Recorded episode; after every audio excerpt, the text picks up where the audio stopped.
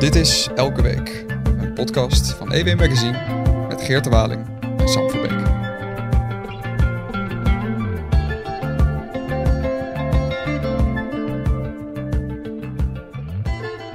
Hi Geert? Hey Sam. We hebben vandaag een, eh, of deze week een extra, extra lang programma, hè? Ja, zeker. Uh, wij nemen even op, want ik ga een weekje tussenuit.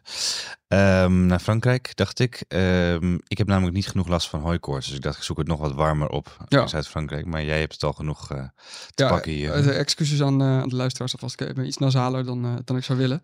Um, maar we zitten hier in de studio ondergrond, waar het toch beter geventileerd is op een of andere manier dan de rest van het Het enige groen wat hier te bekennen is een soort green screen waar geen pollen van afkomen. Dus ja. dat scheelt heel erg.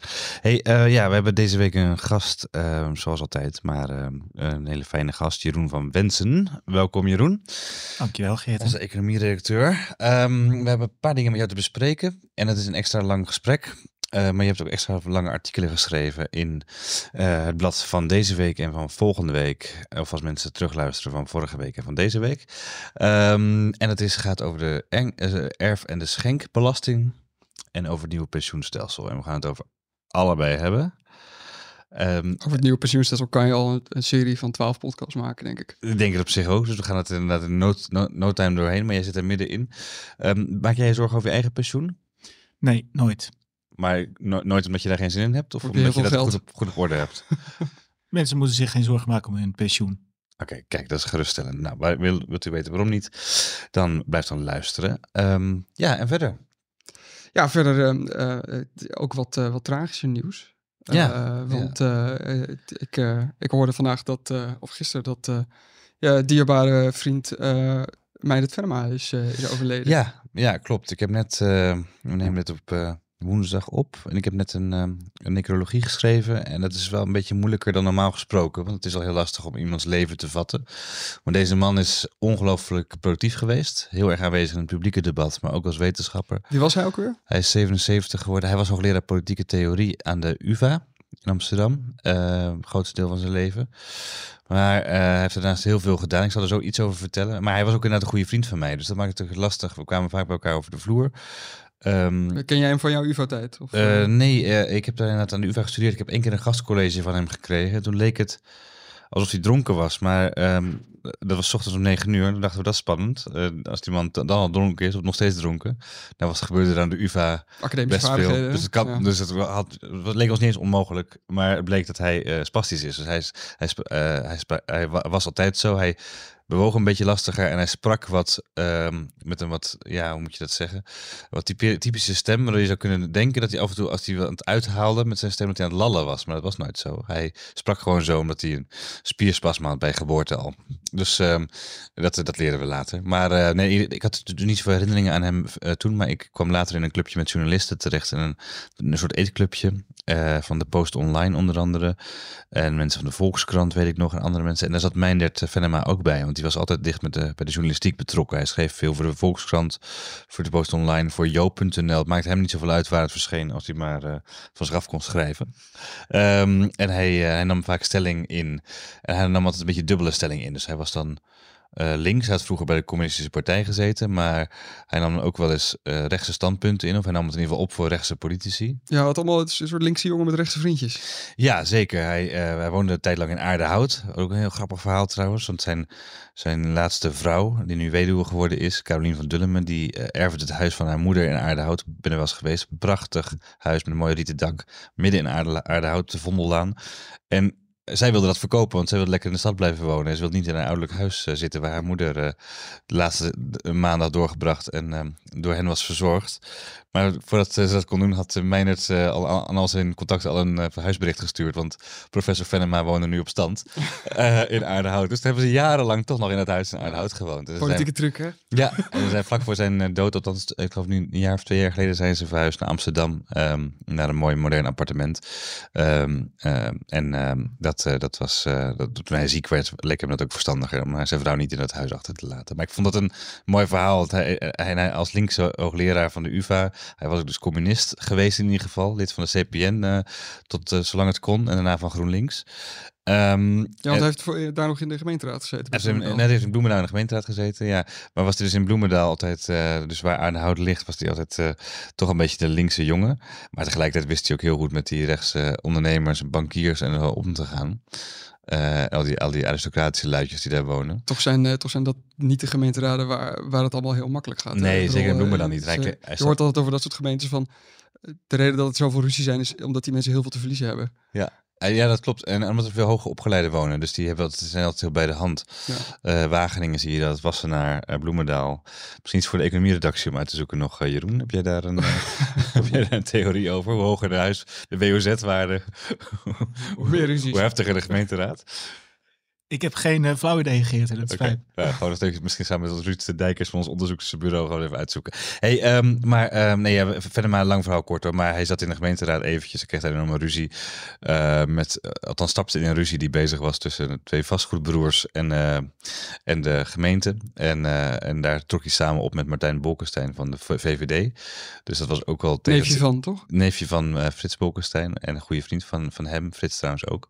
Eh, en eh daar trok hij te strijden tegen, samen met, met de rechtse VVD, trok GroenLinks ehm onder mijn Venema eh, te strijden tegen de zogenaamde fraude of corruptie was het geloof ik. Ehm, en er was, een, er was in ieder geval, of, of daar werd, het- werd de gemeente van beticht. Eh, het voert te, te ver om dat allemaal uit te leggen, maar dat kunnen mensen allemaal lezen. Hij heeft er ook een boek over geschreven.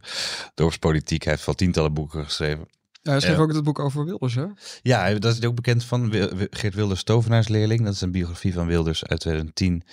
Later nog herzien en eh, geüpdate. En het leuke daarvan was, dat boek eh, is zonder Wilders een eh, goed, goedkeuring gepubliceerd. En Wilders heeft er ook niet aan meegewerkt. En heel veel mensen uit de omgeving van Wilders weigeren dat ook.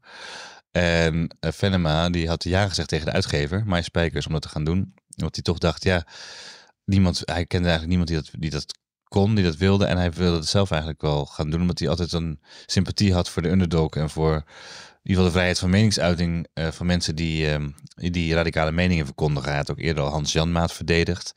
Ehm, eh, en eh, was, had ook na de dood van Jan Maat op dienstverzoek ook het archief kreeg hij in beheer. Ehm, dus als je Jan Maat wilde onderzoeken, moest je bij Venema aankloppen voor toestemming. Dat was ook heel geestig bij de linkse hoogleraar. Maar eh, bij Wilders had hij zoiets, ik wilde graag een biografie over schrijven, maar hij kwam nergens binnen. Niemand wilde hem iets vertellen. Dus op een gegeven moment is hij maar dingen gaan verzinnen. Dat heeft hij gewoon openlijk ook toegegeven. En is hij gewoon bij mensen gaan checken. Toen zei hij van, die bruiloft van Wilders. Dat was in eh, Boedapest, hè? Was het in dat hotel? Eh, klopt het? Nee, dat was in, nee, klopt, was in dat hotel met die en die mensen. En dan zei iemand, nou, hoe je dit nou weer verzint? Nee, joh, dat was in dat andere hotel met die en die mensen. Zei hij, oh, dankjewel. Dankjewel, Hero Brinkman. wat, wat, is je, wat is je bron? Nou, dat ben jij nu, zei hij dan. Weet je. Dat is echt eh, heel gehaaid en zo sluw. Dat zegt wel iets over hoe die was. Eh, altijd in voor een relletje ook. Ehm, maar ook wel, een, eh, wel iemand die, die de waarheid wel eh, eh, hoog in het vaandel had. Maar die, die verschillende wegen bewandelde om tot die waarheid te komen. Laat ik het maar zo zeggen. Listig. Ja, listig. En eh, als de rasdemocraat, ik moest een- enorm lachen. Ik heb in mijn necrologie ook iets geschreven over dat hij dan in een zaal zat. Het was typisch Meindert. eh, dan zat hij in een zaal ergens bij een lezing waar hij het niet mee eens was. En dan ging opeens zijn vinger de lucht in, priemde die dicht in de eh, spreker. En dan zei hij, gelul! en dan kwam er een pleidooi waarom het allemaal onzin was. Hij, eh, hij durfde, hij, het was een beetje een soort eh, verbale straatvechter eigenlijk. Ah, ja. Maar een enorm lieve, lieve, lieve man, zorgzaam voor zijn omgeving. En ik, eh, ik zal hem zeer missen. Eh, Dan hebben we ook nog, hè, de, de, de necrologieën stapelen zichzelf op, want eh Silvio Berlusco- Berlusconi is ook overleden. Ja, ik denk, Hoe- dat, ik denk dat Mijnet intussen nu aan de Hemelpoort al bezig is met een biografie van Berlusconi. Oh, ja, ze staan Ja. samen in de rij. Denk het, ja. Hij is aantekeningen aan het maken, denk ik. Ja, Ja, nou laten we Silvio even laten links laten liggen. Ook al, eh, het, ja, Ja. zal mij het verder maar daar, daar waarschijnlijk nog een geweldige essay over kunnen schrijven. absoluut. Ja. Ehm, eh, we hebben deze week een wat langer, een langere aflevering. We Ja. gaan het nu eerst hebben over pensioenen We gaan nu over de leuke dingen hebben. met, met Jeroen. En dan daarna gaan we weer nou ja, door naar hetgeen wat na je pensioen komt. Namelijk eh, de erfenschenkbelasting. Ja. Maar daar, eh, we knippen deze aflevering op. Dus die, eh, waar, waar we het gaan hebben over de erfenschenkbelasting. Helemaal op het einde. Krijgt u volgende week te horen. Maar Dank, Sam. er is, eh, wat is het? Twaalf jaar eh, gedebatteerd over eh Ja, Jeroen. pensioenstelsel, Jeroen. Je hebt, het- je hebt uitgebreid de tijd gehad om je voor te bereiden. Hè? volg je het vanaf het begin of niet? Ja, ik, zit, al- ik volg het al heel lang. Want je werkt al, lang, eh, je bent al een aantal jaar voor Elsevier, maar daarvoor voor de Volkskrant, eh, dat is kapitaal. Eh, in die tijd speelde dat eigenlijk ook al, het pensioenstelsel. Ja, dit speelt al echt heel lang. Het begon eigenlijk in... eh, nou, de discussie is al, is al nog veel ouder, maar het begon echt in 2008. Toen eh, stortte op een gegeven moment de aandelen de markt crisis, in. Ja. En eh, de rente die ging eh, omlaag. En dat zijn eh, alle twee dingen die je niet wil hebben als je een pensioenfonds eh, hebt of in een pensioenfonds zit. En toen had mensen zoiets van, oei, de, eh, dat stelsel is veel eh brozer dan dat wij eh, altijd dachten. Dus we moeten daaraan iets gaan doen. En dat was eh, 2008. En eh, nu heb je de wet toekomst pensioenen en die moet zijn afgerond in 2028. Dus dan hebben we al met al hebben we twee decennia gedaan over de hervorming van het pensioenstelsel. Maar wacht even, de wet moet afgerond zijn in 2028. Hij is toch eigenlijk vanaf 1 juli aanstaande, gaat hij dus van vol- volgende week is hij toch eigenlijk al van kracht. Hij is toch aangenomen Klopt. in de Eerste Eh, Kamer? Alleen, zeg maar even, die, die 1500 miljard euro aan pensioenvermogen. Hè, de bedragen variëren wat afhankelijk van allerlei, eh, ook weer standen op de beurs. Die 1500 miljard Miljardje meer of minder. miljoenen eh, eh, pensioenpotten, die moeten allemaal worden, eh, dat moet allemaal worden verdeeld. Ja. Over miljoenen deelnemers. Eh, ja, dat heb je niet eh, van vandaag of morgen gedaan. En daarvoor is de tijd tot en met 2028. Tot 2028. Oh, dus het is eigenlijk om hem echt daadwerkelijk eh, uit te rollen, eigenlijk, zo de wet. Juist, ja. Ehm, dat is heel ingewikkeld. Sam, jij hebt je pensioen natuurlijk al lang doorgelicht Ik, in eh, voorbereiding op dit gesprek. ik, ik stond eh, vanochtend onder, de- onder de douche. eh, toen zat ik na te denken over, over, de- over deze podcast. En toen- toen dacht ik van, ja, pensioenen. ehm, ik ben nu het oude stelsel aan het doornemen. Daar had ik nog nooit naar gekeken. Want ik, ja, ik stond onder de douche en ik dacht van, ik moet nog 40 jaar werken. Jij dacht, dus- ik heb een middelloonpensioen, toch? ja, ik moet even kijken wanneer ik word ingevaard of ingevaren. Ehm, Of je überhaupt wordt ingevaren. Ja. Nou, hier, gaan we dus even, hier moeten we het even over gaan hebben. Ehm, dus ik, dus moest, me, ik, moest me eerst daar even in verdiepen en, eh, en daarna in, in hoe dat overgaat naar, naar het volgende pensioen. Maar wat ik, wat ik eerst eigenlijk ook even wilde weten is, er is eh, veel discussie geweest over, eh, ehm, over dit nieuwe stelsel. En die is eigenlijk nog steeds. Maar de consensus is wel dat er een nieuw stelsel moest komen. Ja, Ja, dat wel. er moest wel wat gebeuren, ja. Ja. Zeker. Want, waarom eigenlijk? Omdat het stelsel eh, toch helemaal niet zo eh, eh, standvastig be- goed bestand bleek tegen schommeling op de beurs en tegen die, vooral die lage rentestand. Oh ja. Dus het stelsel, heel lang verhaal, maar het stelsel is heel erg, dat heb je altijd met pensioenen, maar dit stelsel is heel erg rentegevoelig. Ehm, op het moment dat de rente heel laag wordt, ja, dat is echt heel vervelend voor je, voor je pensioen. Denk maar even, stel dat je moet rentenier bent en moet leven van de rente. Ja, als Ja. de rente laag is, dan eh, Ja. hè, dat schiet niet echt op. En het grote probleem is eh, verdelingsvraagstuk. We, we, we zitten met een. Het is, het is heel onduidelijk wat je nou precies hebt. Je hebt een aanspraak op het vermogen van het pensioenfonds. Ja. Ehm, eh, en het is niet, het is niet een, een potje wat je hebt op dit moment. En dan met die lage rente, dan krijg je Je gepensioneerden die zeiden van schroef de rente nou wat op. Want dat, dan, dan worden die pensioenfondsen wat, wat hè, waarmee je rekent, die rekenrente, schroeft die wat op. Dan worden wij rijker, hè, dan wordt het pensioenfonds rijker en dan kun je pensioenen eerder indexeren. En zeg maar even die jongeren, dus die zeiden ja van ho, ho niks ervan, eh, over 50 jaar of eh, wanneer, ons over 100 geld, jaar Sam, ja. als jij met pensioen gaat, dan, eh, dan moet er ook nog geld zijn in het pensioenfonds. Dus eh, reken nou prudent, want de rente is laag, dus reken ook met die lage rente. Nou, Dus daar dit- zat een beetje... Dus er zit sowieso een beetje een clash in tussen... eh, jij legde dat een keer in de redactievergadering goed uit. Doe je het daar ook in je stuk, de stukken in, eh, in, in het blad. Je- je- Dat er de jongere mensen eigenlijk meer betalen dan de oude mensen. Kun je dat even helder voor onze luisteraartjes uitleggen? Oei, je, wij gaan- jongeren worden eigenlijk te grote gedisc- stappen erin. Wij worden, wij worden gediscrimineerd. De ouderen die betalen relatief minder dan, eh, dan de jongeren op dit moment. Ja, iedereen in dit land wordt gediscrimineerd. Hè? Dus, Ja, dat is waar. Maar dus, ik voel me eh, ook echt een wordt, slachtoffer. eh, niemand gediscrimineerd. Dat is het Maar, in het, maar nee, maar in het nieuwe stelsel wordt dat een beetje wordt dat weggenomen, toch? Dat, dat, dat mechanisme begreep ik van jou. Ehm, dit is ook een. dit is, het zijn wel meteen de makkelijke vragen waarmee we beginnen. Ja, dat is Ja. mooi. Ik denk dat er nu niemand meer luistert, maar we gaan vrolijk verder. Ehm, ja, waar het om, in het huidige stelsel heb je dan ook, dat heet de doorsneesystematiek. Ja. En dat wil zeggen dat, eh, kijk, in principe als jij eh, op je 25ste eh, 100 euro inlegt, dan heeft dat 40 jaar de tijd om te eh, randeren. En als je dat op je 55ste doet, dan heeft dat nog 10 jaar de tijd om te Dus randeren. is die 100 euro die je in hebt eigenlijk minder waard naarmate je ouder bent? Minder Juist. waard, eh, minder... eh, dus, ja. dus eigenlijk zou je minder pensioen moeten krijgen voor de, eh, de, de ouderen. Zou voor die Ja. 100 euro inleg minder pensioen moeten krijgen dan de jongeren. Ja. Nou, dat daarvan eh, is al, dat, en dit is al sinds eigenlijk het, de uitrol van het pensioenstelsel in de vorige eeuw. Is dit usance? Dan zeg je gewoon nee, dat gaan we niet doen. We doen, we, we doen een doorsneesystematiek. Doe We solidariteit. vegen het op, het, eh, op een hoop en dan berekenen we een doorsnee premie. Ja.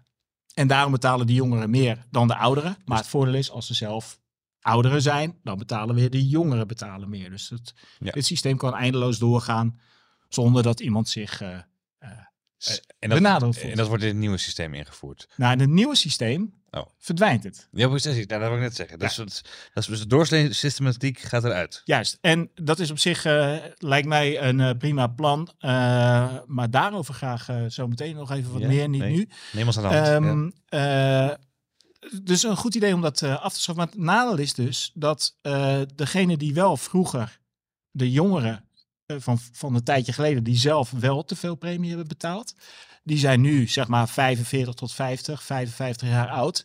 Die denken, ha fijn, nu gaan die jongeren ons eh, een beetje sponsoren. Maar ja, dan wordt die doorsneepremie afgeschaft. En dan hebben zij al die tijd zelf wel te veel betaald, maar ze krijgen niks van de jongere generatie. dat is zielig. En dat, ja, dat is vreselijk zielig. Dat kost bij elkaar, na schatting, zo'n 50 miljard euro. En dat moet weer betaald worden uit het vermogen dat in die fondsen zit. En eh, nou, dat gaat nog best wel wat eh, gedoe geven, Dat denk ik. Jij, jij zei dat we echt te snel gingen. Eh, laten we nog eventjes terug. Bij, ik noem wel even middelloonpensioen. Dat was eigenlijk het gebruikelijke pensioen, geloof ik. Hè? Dat is, als ik het goed uitleg, het gemiddelde van wat je pensioen, van wat je aan je aan salaris hebt verdiend in je carrière, krijg je na je pensionering uitgekeerd als pensioen. Een soort gemiddelde salaris. Ook dat verdwijnt. Ja, klopt. Wat we nu eh, nog hebben, middelloonpensioen. Ja, je hebt allerlei vormen van pensioen, maar middelloon heeft... De meeste mensen hebben dat, Ja. zeg maar 85% van de werknemers die pensioen opbouwen of zo. Ja. Ehm, en hoe, hoe het nu werkt, is een, je werkt op basis van aanspraken. Dus er wordt gewoon gezegd, nou, dit is je salaris. En elk jaar bouw je 2% van je salaris op. Eh, nou, stel je verdient eh 50.000 euro, dus dan eh, betaal je, eh, bouw je elk jaar 1000 euro op. En dan na 40 jaar, eh, 40 dienstjaren, heb je dan 40 keer 1000 euro, heb je 40.000 euro pensioen. Ja. dan Wat zit wat nog je, een beetje- je jaarlijks uitgekeerd krijgt. Juist. Ja. Precies. En dan zit er nog een beetje ingewikkeld doorheen de AOW met AOW-franchises en zo. Maar eh, neem maar even aan dat het zo werkt. Dus, het is, Ja. maakt helemaal, dus, eh, dus dat is wat je opbouwt. Mhm. Het is echt gebaseerd op je salaris. Dat krijg je ook toegezegd door het pensioenfonds. En dat is die aanspraak. En dat wordt helemaal omgedraaid. Wat je nu gaat krijgen is dat, eh, en mind you, hè, dus, dus, dus de, de premie voor een pensioen is ongeveer 30% van je salaris op jaarbasis. Hè? Dat is de premie die je betaalt voor je pensioen. Daar zie je nu eigenlijk niet zoveel van. Eh, maar volgend jaar wordt, of, of eh, in het nieuwe stelsel, niet volgend jaar, maar de komende jaren, in het Ja. nieuwe stelsel, dan wordt dat hele aansprakenstelsel wordt verlaten. En dan wordt er gewoon gezegd, nou, dit jaar maak je eh, 30% van je salaris, stoppen we in jouw persoonlijke pensioenvermogen. Een eigen potje krijgen. Eigen ja. potje. Ja. ja, en dan, is het, eh, dan, dan gaan we dat beleggen. En waarschijnlijk levert dat zoveel op over, eh, nou Sam in jouw geval heel veel jaar. En dan, eh, dan 150 levert dat waarschijnlijk dat eh, eh, aan pensioen op. Ik zit soms, vind ik het zo ingewikkeld dat ik denk, weet je wat, laat maar. Ik, ik, Hou hoef, geen, ik pensioen hoef geen pensioen maar. Ehm, hey, maar je hebt het net over... Dit, dit was toch niet zo heel moeilijk? Nee, nee, nee. Dit is Nee, gewoon een potje en dan gooi je nee, je, had, je had het net over eh, dat, dat persoonlijke potje. En eh, een van de motieven eh, voor het nieuwe pensioenstelsel, zo genoemd in jouw artikel, is dat het dus ook persoonlijker en transparanter is. Ehm, eh, in, eh, op welke manier, hoe moet die transparantie vormen stellen? Nou, dat het helemaal niet zo transparant is. Oh. De, de, de belofte was dat het heel transparant en persoonlijk zou worden. Ehm, Niet dat je een soort app zou krijgen, dat je, zo je, Ja, rekening of je aandelenrekening kun je zien. hey, ik krijg nu zoveel pensioen. hey, Ja. volgende maand. Klinkt weer een de- jaartje langer. Joepie, de beurs is omhoog. De eh, beurs is ik ga omhoog. jaartje stoppen. Ik ga nog een caravan kopen. Nee, werkelijk helemaal niets ervan. Ehm, mag ik Nee, even zo. een van mijn daarover vertellen waarom dat niet is? Ah, ja, graag. Kijk, dat pensioenstelsel, eh daar zit, dat is 500 miljard euro, zo'n 170 eh, pensioenfondsen. En dat is echt de grootste werkverschaffer voor eh, vakbondsleden. Die zitten overal in die pensioenfondsen. En ja, die vinden zich heel belangrijk. En die bepalen wat er met jou en mijn pensioen gebeurt. Met 30% van ons salaris, daar gaan zij op de een of andere manier over. Gekke werk natuurlijk. Maar dat nieuwe stelsel, met dat veel persoonlijkere vermogen, Ja. Dat zet eigenlijk de houdbaarheid van het hele eh, stelsel een beetje onder druk. Dus je moet je voorstellen, we zitten in eh, de Europese Unie. Ja. Eh, we hebben gewoon een vrije markt. Je mag niet als overheid zeggen van, nou weet je wat, in Nederland verkopen we geen BMW's. We hebben ons eigen DAFje gaan we verkopen en de Ja. rest van de auto's komt er niet in. Dus, een, dus ook pensioenen zouden moeten kunnen worden uitgevoerd door commerciële partijen.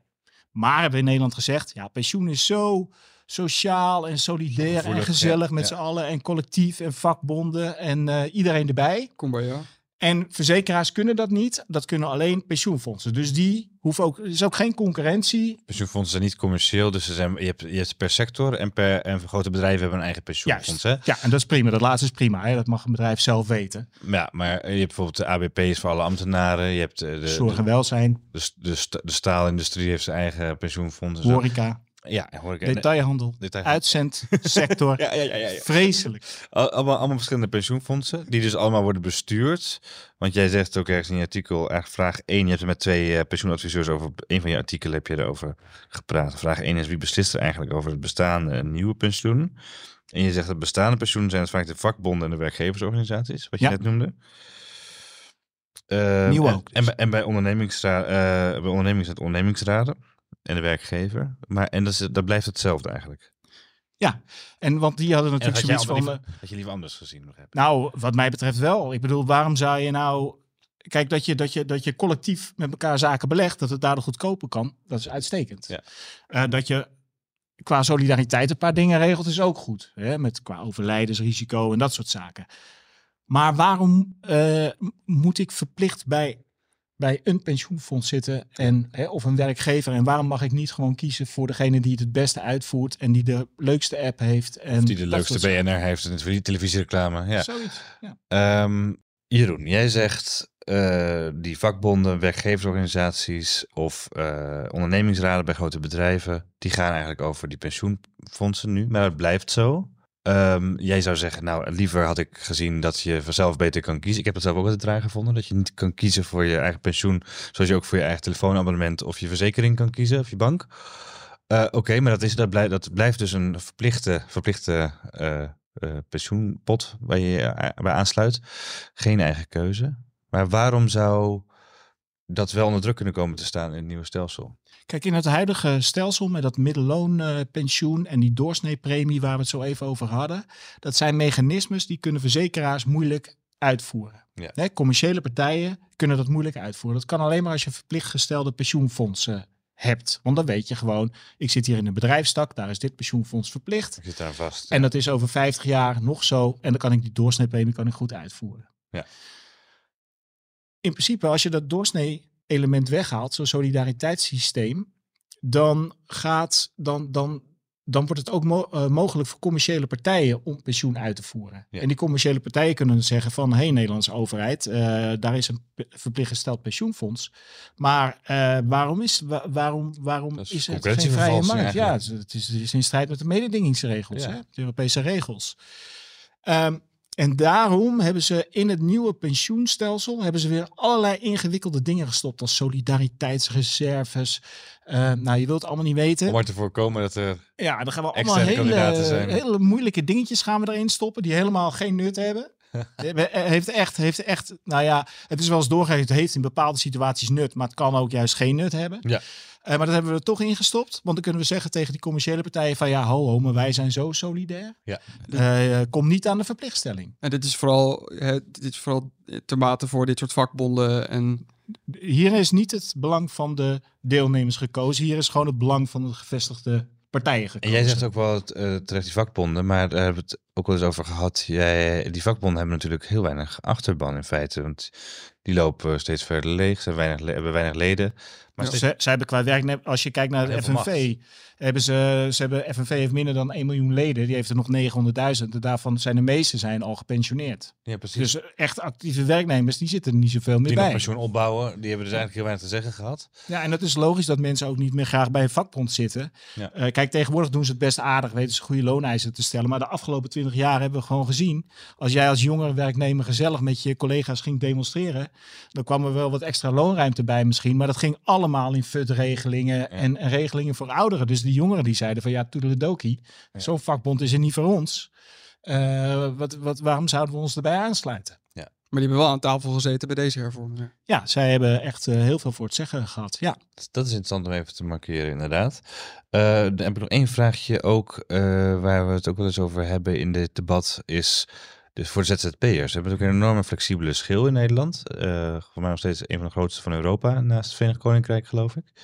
Eh, dus, ehm, enorm, hè, dus al die vrij, zelfstandigen, freelancers of mensen die in verkapt eh, dienstverband werken, die bouwen geen pensioen op. Dat wordt wel verplicht gesteld binnenkort. Of is dat, uh, geldt het alleen voor de arbeidsongeschiktheidsverzekering?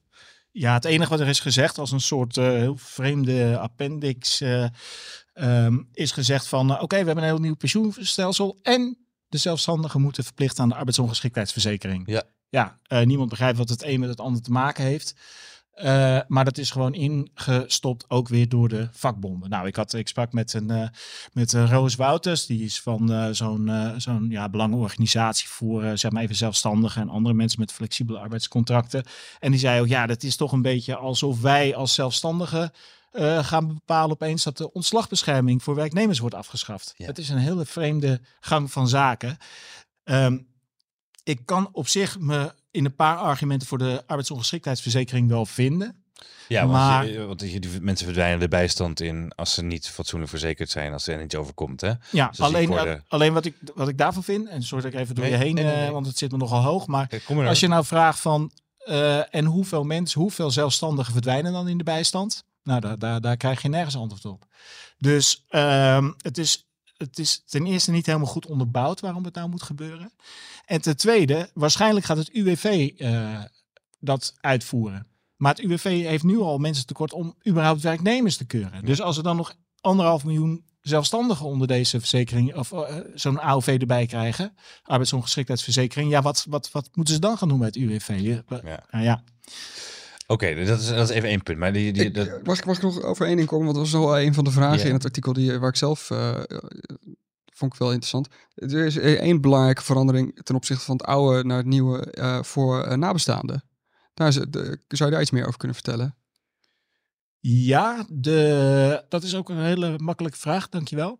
Um, nee, in het huidige, even kort Misschien... samengevat, in het huidige stelsel is het een ratje toe aan regelingen.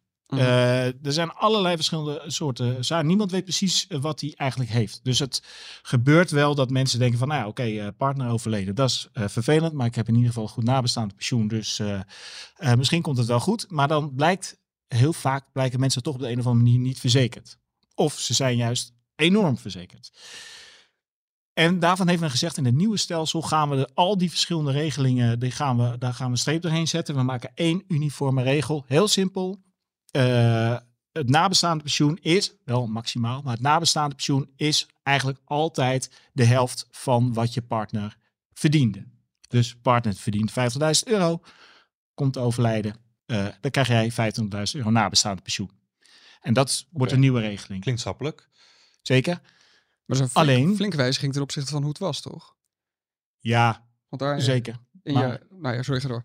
Ja, nee, dat is omdat in het vorige stelsel had je, uh, had je 101 verschillende regelingen. En nu okay. wordt er eentje. Alleen in het nieuwe situatie is het dan zo dat je alleen verzekerd bent op het moment dat je werknemer bent. Dus als jij denkt van nou, ik ga even een jaartje uh, naar Bali um, en ik ga even een jaartje niet werken, dan valt je uh, nabestaande verzekering, je nabestaande dekking valt weg. Dus dan is er uh, niets verzekerd. En daar maakt men zich een beetje zorgen om. Nou, dan mag je dan weer aangeven van, uh, oh, maar ik wil het voortzetten. en dat kan dan nog wel. En even tezijde, als je werkloos wordt of ziek wordt, dan blijft die nabestaande dekking gewoon wel langer doorlopen. Oké. Okay. Ik wil nog iets anders bespreken. Mag dat nog? Ik heb namelijk die vraag over um, dat invaren. Hebben we het even over gehad. Je kunt, dus de, de wet gaat van kracht. Je hebt ook een mooi lijstje met data. 1 juli wordt, gaat de wet in werking, uh, dus 2023. Maar dan volgend jaar op 1 juli is de uiterste datum waarop sociale partners een conceptkeuze indienen bij het pensioenfonds voor oud en nieuw pensioen. En daar wil ik het even over hebben. Dat is dus de keuze voor het oude model. Dat kan. Dus een pensioenfonds kan kiezen, wij blijven bij het oude model volgens de oude regels. De oude wet is dan nog van, van kracht. Maar dan gaat het pensioen op slot. Hè? Dan wordt het een gesloten fonds, heet het geloof ik. Je knikt, je knikt ja. wel, maar ja. uh, uh, dat is veel fijn. Maar, uh, maar, wat, maar, maar dat, dat betekent dus, dan verandert er niets, maar dan komt er ook niemand meer bij. Dus dan blijft het pensioen bestaan totdat de allerlaatste ja. gerechtigde is overleden. Ja, precies. dus wat er dan wat er gebeurt is, kijk, nieuwe opbouw dus, nieuw, dus volgend jaar dan, uh, of in het nieuwe stelsel, of nieuwe pensioenopbouw. Ja. Dat moet volgens de nieuwe eh, pensioenregelingen verlopen. Dat mag niet meer volgens het, eh, het good old Middellandpensioen. Ja, Dat dus mag niet meer. Dus als, iemand, als, iemand, opbouw be- als iemand begint met een pensioen op te bouwen, komt op de arbeidsmarkt of komt bij, voor eerst bij een werkgever. Nee, maar wij ook. Wij, wij, wij bouwen nu nog en samen met Sam Oh, allemaal oké. gezellig middelloonpensioen op. Maar Ja. dat mogen wij niet meer binnenkort. Vanaf 2028 gaat daar sowieso een streep doorheen. Oké, dat mag sowieso niet meer. Maar we hebben wel pensioen opgebouwd. En een fonds kan zeggen wat allemaal opgebouwd is. Eh, dat keren we nog wel uit in de vorm van middelloonpensioen.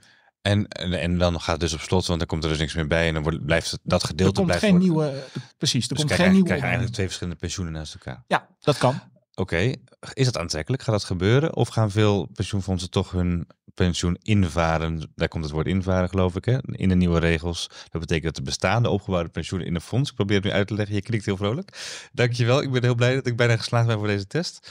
Op de dag dat alle scholieren te horen krijgen of ze geslaagd zijn voor een eindexamen, heb ik toch een beetje hetzelfde Mag gevoel. je Maar rugzak aan de vlag Mijn hangen? vlag gaat er meteen ook uit. Je Ehm, bent uh, geslaagd voor pensioenpraktijk 2.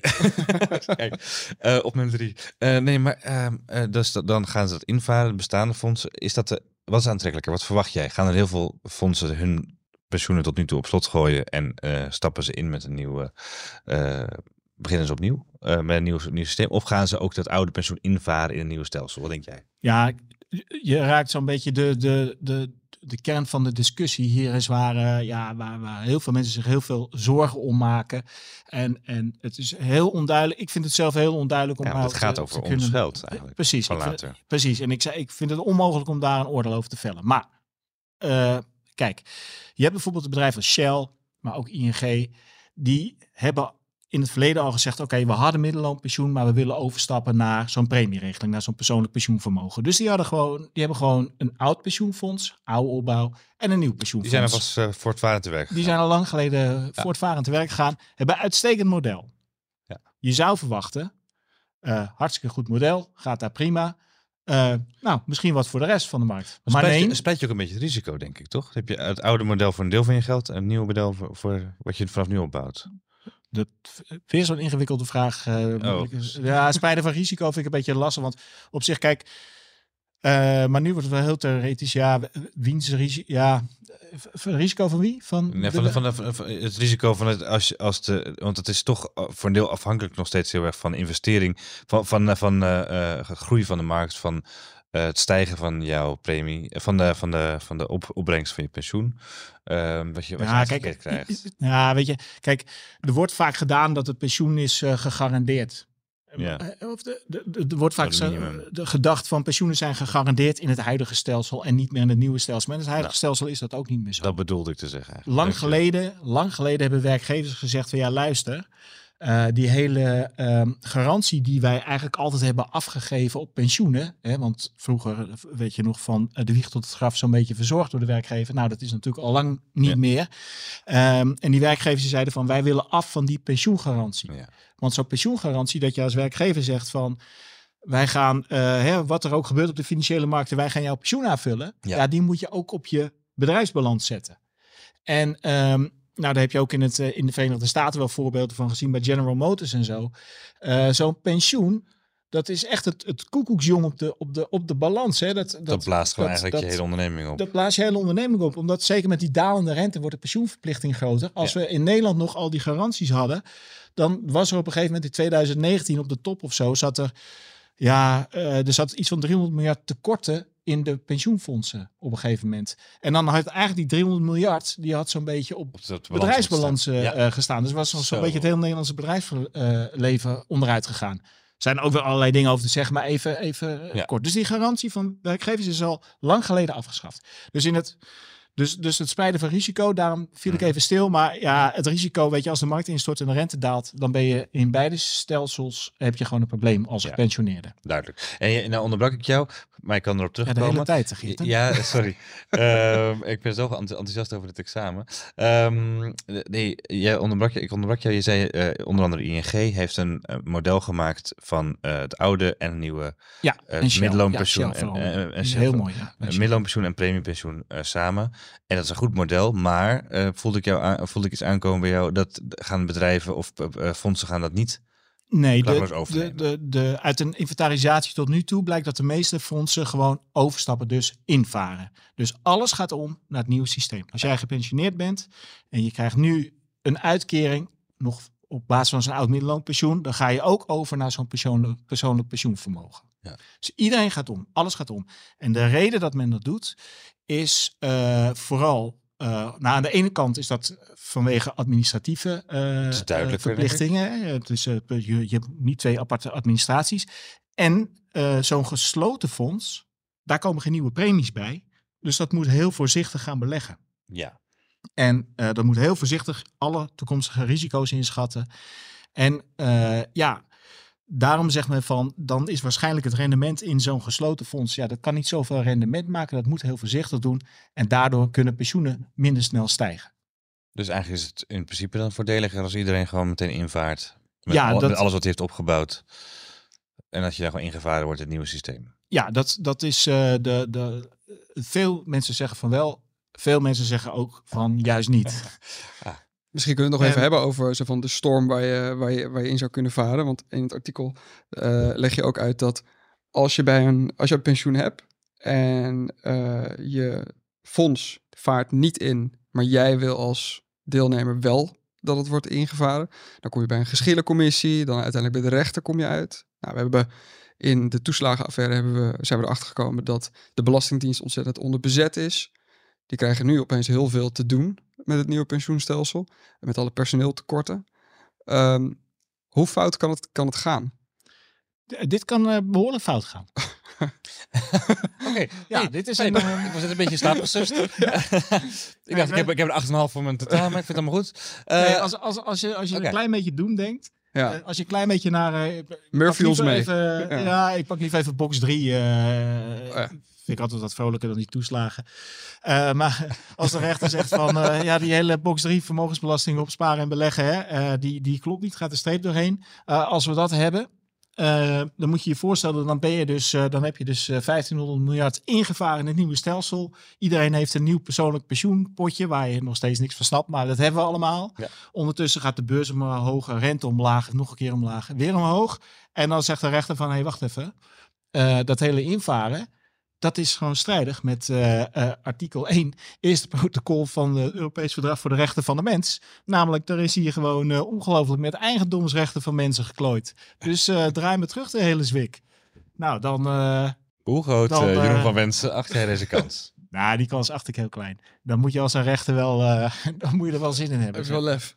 Ehm, Dan krijg je nog meer mensen achter je aan dan eh ja, nee, dus dat, dat weet ik niet. maar kijk, de Jonge en Sigrid Kaag bij elkaar. Ja. Kijk, het, het gekke is, in andere landen zijn er ook grote transformaties geweest, transities geweest. En vaak heeft men daar gezegd van, wij doen gewoon, zeg maar even, Shell-model oud en daarnaast bouwen we nieuw op. Ja. En in Denemarken heeft men bijvoorbeeld gezegd, ook oud en nieuw, maar we gaan wel een beetje, ja, een beetje mensen, een beetje hè, is het, eh, het, het Engelse woord daarvoor, een beetje in de richting masseren van jongens, gaan naar, naar nieuw. Doe dan maar. Dat is ja. beter Ja. en uh, bladibladibla. En dat heeft men heel vriendelijk gedaan. In Nederland is het zo van je hebt niks te zeggen. De FNV mag besluiten wat er met jouw geld gebeurt. Nou, eh, dat, dat prima. En dan gaat jouw pensioen over naar het nieuwe stelsel. Maar vergelijk het even dat je... En dan zegt men van ja, maar in het nieuwe stelsel... de kans dat je op vooruit gaat is groter en dit en dat. Maar moet je even voorstellen... even dat de bank je belt en zegt... nou uh, Geert, en jij had 1000 euro op een spaarrekening... Maar wij zijn een beetje, we hebben een beetje genoeg van die spaarrekeningen, want dat kan allemaal niet meer. We hebben het nu even in een belegging uh, gezet. Ook 1000 euro. Dus uh, weet je, je had 1000, je hebt 1000. Dus ja. dat is precies hetzelfde. Toedels. En dan, ja, dan ga je toch wel denken van, maar wacht eens even, ik loop toch nu meer risico. Dit is toch... Wat als de beurs daar Het is, het is ja. mijn geld, jullie gaan het omzetten en ik heb opeens een heel ander risicoprofiel. Dan had ik maar misschien uh, lid moeten worden van een, uh, van een vakbond. of van een ondernemingsraad. Ik Zo'n rood petje staat je wel. Ja, ja. Nou, ik heb mensen die lid zijn van de ondernemingsraad hier. Misschien moeten we toch eens vragen of ze daar uh, voor ons goed voor ons op willen passen. Maar... Zou je doen? Ja. Um, nee, uh, ik snap het Jeroen, maar dat is dus eigenlijk nog een beetje in de nevelige hult. Uh, koffiedik kijken wat er nou precies gaat gebeuren. Dus het is, uh, we denken die, wet is aangenomen, maar eigenlijk zijn er nog meer vragen bijgekomen dan er zijn beantwoord. Of er zijn in ieder geval niet alle vragen zijn beantwoord, het zo zetten. Nee, heel veel, heel veel vallen ook niet te beantwoorden. En ja, moet je voorstellen, dit gaat over miljoenen en miljoenen pensioenen die moeten worden omgezet naar het nieuwe stelsel. Dus daar kan administratief best wel wat fout gaan. Misschien moet ik ook nog even inhaken op het, uh, op het essay wat we deze week in het blad hebben staan. Stond vorige week ook op de website van uh, uh, Pieter Omtzigt, ja. de, de eenpitter. Of, onafhankelijk Kamerlid. Onafhankelijk Kamerlid. Ja. De, de, One-Man Army. Ja, One-Man Army. De, de zetelrover Pieter Omtzigt. ja, staat in het blad. wat is de kop? Pensioenfonds? Pensioenwet toont noodzaak van toetsing aan de grondwet. Want ehm, Pieter Omtzigt die heeft, heeft uitgelegd dat eigenlijk um, als het gaat om, en ik ga hem, ga ik hem even citeren. Het wetsvoorstel had moeten worden ingetrokken. Volgens de grondwet moeten wetsvoorstellen die verandering aanbrengen in geleidelijke voorzieningen van Kamerleden met tweederde meerderheid worden aangenomen. Uh, en ja, die toetsing aan de grondwet is niet geweest. En in Nederland kunnen rechters kunnen niet toetsen aan de grondwet. Het is een beetje een creatieve uh, houding van hem. Hij is heel kritisch op die pensioenwet geweest. Hij ja. heeft hem eigenlijk willen blokkeren, maar dat lukte niet. De coalitie heeft hem doorgedrukt met steun van de GroenLinks en PvdA. Ook, nog voor de, ook met de oude Eerste Kamer nog? In de oude Eerste Kamer, vlak op, op het nippertje, de laatste dag eigenlijk van de, van de oude Eerste, dat de oude Eerste Kamer echt vergaderde. Um, maar snap jij de kritiek van, van Omtzigt? Is, dat iets, is, is, is het zo precair dat eigenlijk hier de constitutionele procedure had moeten worden gevolgd van een grondwetswijziging? Of dat er een anderszins een, dat dit soort dingen getoetst zouden moeten worden aan de grondwet? Nou, ik heb omzicht uh, mogen interviewen voor het kerstnummer over het nieuwe pensioenstelsel.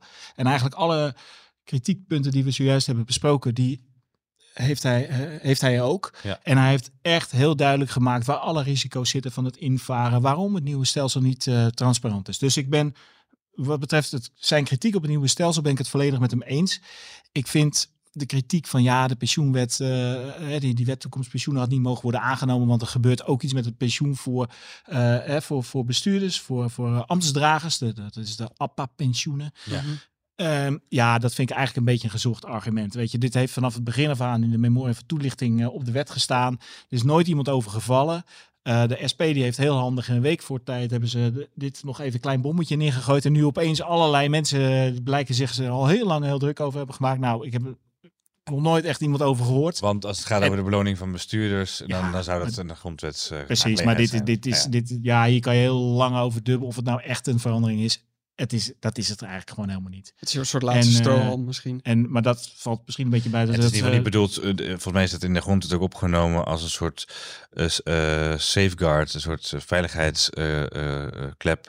dat, dat, je, dat je niet, zeg maar, in een corrupt regime bent nog was voorkomen. Dat, dat de salarissen van, van, van, alle ambtenaren worden, of van bestuurders worden ja, verdubbeld of naar, nul worden gebracht. Ja, ja naar Om, nul, zodat je alleen de rijke mensen nog overhoudt. Precies, bijvoorbeeld. En dat, dat is precies de maar dat is hier helemaal niet aan de orde. Dus eigenlijk is ook de geest van de wet is niet. Zo is dat. Van de grondwet is niet getreden, met voeten getreden. Precies. Plus het hele verhaal van, uh, maar dat is heel wat anders. Maar grondwet, grondwettelijke toetsing in Nederland moeten we toch niet willen, jongens. We hebben al genoeg rechten. Dat is een discussie waar we nog een keer een aparte uh, thema op uh, over nou, vind het, dat we er hier nu over moeten. we hebben nog genoeg te bespreken, want we gaan namelijk door naar de, de schenkende erfbelasting. Ja. Niet uh, de grondrechtelijke toetsing. Nee, uh, als je dat graag wil doen, dan zet ik zo meteen de microfoon nog even voor je open. Dan gaan wij vast eventjes lunchen. Uh, vind je dat goed? Nee, uh, dus wie dat wil luisteren, luister naar de volgende aflevering in deze tweedelige Ja, we gaan... van mensen. Ben jij er dan wel bij, Geerten, of zit jij dan nu al in Frankrijk? Of ik is zit nu eigenlijk week? al in Frankrijk. Hoor je mij niet op afstand komen? Ja. Dit was Elke Week. Een podcast van EW Magazine met Geert de Waling en mij, Sam Verbeek. Zoals elke week kan je de besproken artikelen ook vinden in onze show notes. Voor dit een leuke podcast? Abonneer je dan en laat een leuke review achter. Heb je vragen of opmerkingen? Geert kan je op Twitter vinden onder @geertwaling. Ik ben op Twitter te vinden onder @samwv. Je mag me natuurlijk ook mailen naar sam.verbeek@ewmagazine.nl. Dank voor het luisteren naar elke week. Tot volgende